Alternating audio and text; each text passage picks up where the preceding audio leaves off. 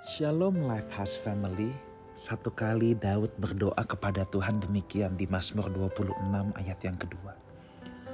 Ujilah aku ya Tuhan dan cobalah aku. Selidikilah batinku dan hatiku.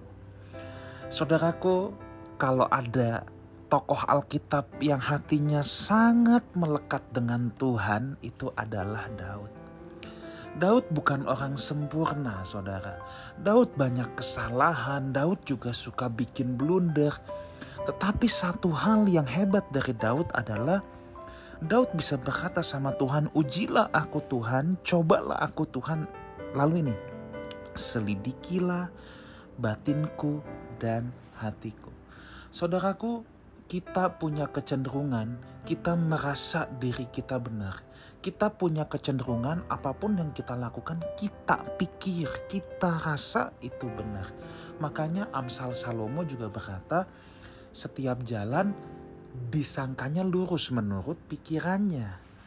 Kita ketika berbuat sesuatu pasti kita akan merasa kita yang benar, jalan kita lurus. Itu sebabnya saudaraku kalau kita tidak pernah berkata selidikilah batinku ya Tuhan. Kalau kita tidak mengizinkan Tuhan menyelidiki, kita tidak akan tahu kesalahan yang kita perbuat. Saudara kalau orang berkendara saudara ya.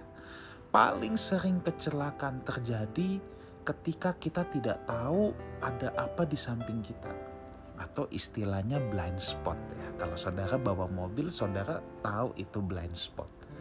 Jadi ada satu spot yang kalau kita lihat spion kita nggak bisa kelihatan mobil lain itu bahwa itu ada di samping kita. Makanya mobil-mobil sekarang sudah ada sensornya. Kalau entah ada kayak lampu yang bisa menyala atau bunyi di samping spion kita ya untuk kasih tahu, eh ada mobil di sini.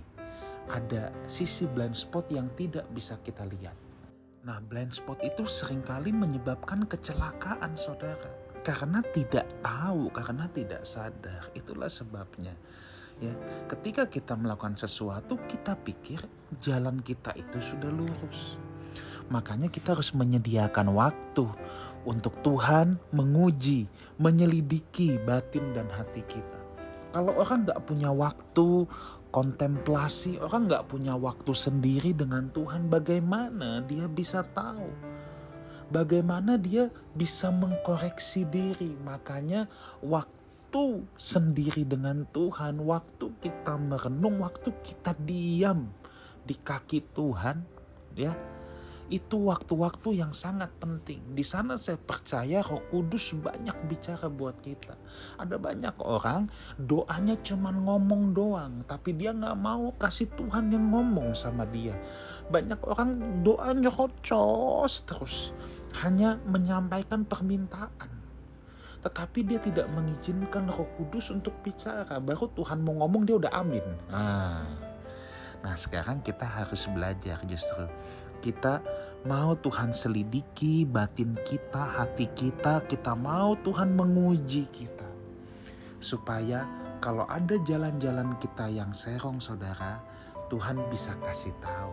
Roh Kudus bisa kasih tahu. Yuk kita punya komitmen untuk setiap hari kita serius merenung Tuhan, adakah jalan hidupku serong? Tuhan, selidiki batinku. Tuhan, ketika aku berbuat ini, sudahkah aku tulus atau aku punya motif-motif lain? Sudahkah hatiku tulus? Sudahkah hatiku lurus? Jangan sampai ada hati yang bengkok.